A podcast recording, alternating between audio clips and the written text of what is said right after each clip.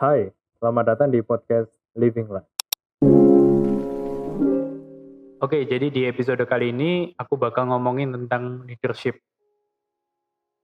Jadi dulu aku sempat punya pemikiran yang salah tentang leadership.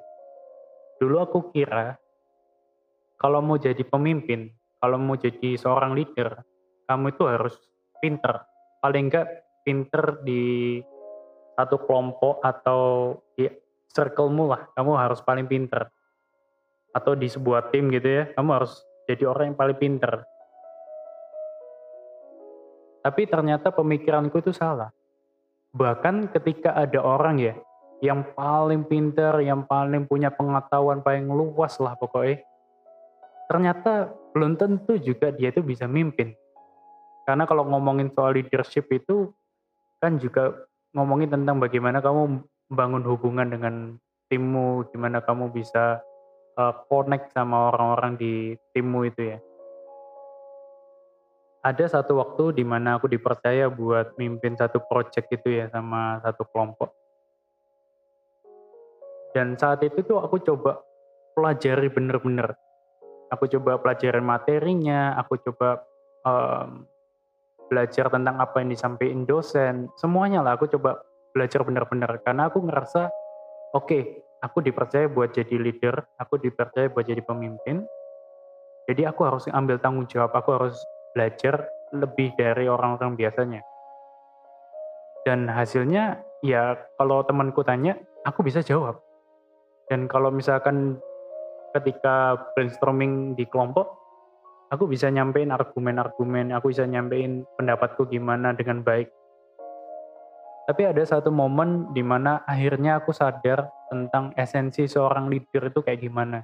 Tentang pentingnya seorang leader itu kayak gimana.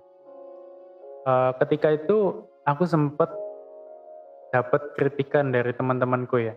Ketika aku mimpin satu proyek ini, aku dapat kritikan um, awalnya ngerasa down iya karena ya namanya dikritik ya pasti ngerasanya pasti nggak enak tapi dari situ aku belajar dari mereka aku belajar ternyata menjadi pemimpin yang pinter menjadi pemimpin yang tahu segalanya itu nggak cukup tapi ada yang lebih penting daripada menjadi pemimpin yang pinter yaitu menjadi pemimpin yang bijak Terus mungkin ada yang bingung, loh apakah menjadi pinter terus gak penting gitu? Yang enggak juga. Menjadi pinter itu tetap penting. Karena nggak mungkin orang buta menuntun orang buta. Ketika kamu jadi seorang leader, udah pasti kamu harus tahu mau dibawa ke mana timmu ini. Tapi pinter aja nggak cukup, mesti bijak juga.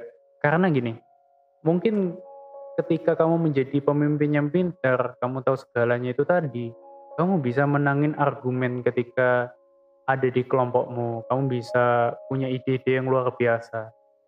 Tapi ketika kamu menjadi pemimpin yang bijak, kamu itu bukan menangin argumen, bukan menangin ide dan sebagainya macam ya, tapi kamu bisa menangin hubungan, relationship dengan siapa? Dengan anggotamu, dengan mungkin kamu punya atasan, menurutku itu lebih penting.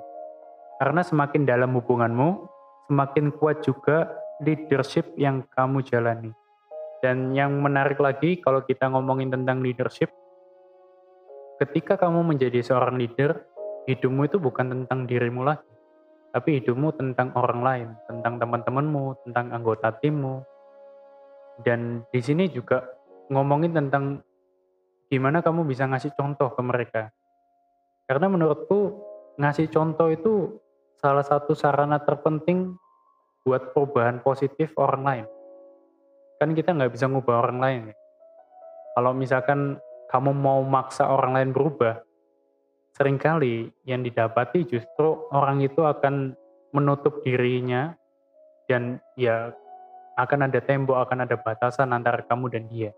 Tapi ketika kamu nunjukin gimana kamu berjuang di tim, gimana kamu berusaha semaksimal mungkin buat ngasih yang terbaik, di saat itu orang di sekitarmu, anggota timmu, itu juga punya gambaran akhirnya. Gambaran gimana mereka harus berbuat, gimana mereka harus juga berusaha.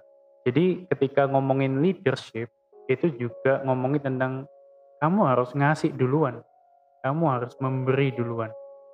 Kalau kamu mau dihormati, ya kamu harus menghormati orang duluan. Kalau kamu mau dibantu, kamu harus bantu duluan. Ada satu kata-kata papaku ya, yang aku ingat sampai sekarang. Papaku pernah bilang, kalau misalkan kamu mau sukses, kamu harus bantu orang dulu menjadi sukses.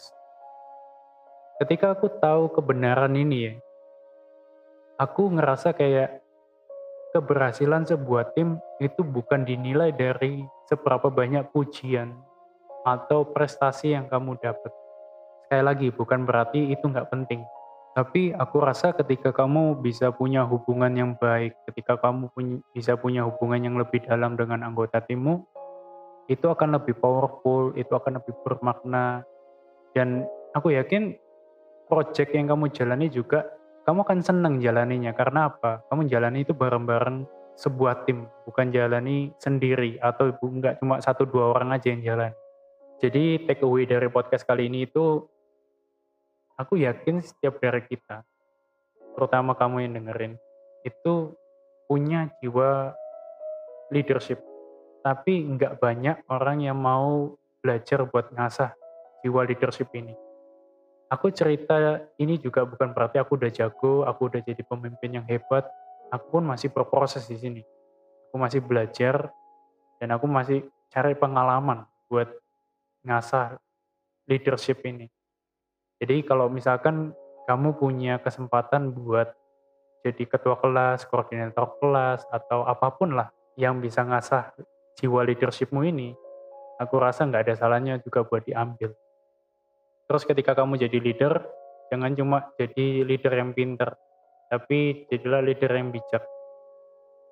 Jadilah leader yang punya empati ke anggota-anggotanya, dan ya, sampai sini dulu episode kali ini. Semoga teman-teman yang dengerin ini bisa dapetin sesuatu. Dan kalau misalkan kamu dapetin sesuatu, boleh banget buat share ke temenmu, karena siapa tahu temenmu itu juga butuh topik ini. Oke, okay, thank you guys. I'll see you in the next episode. Bye-bye.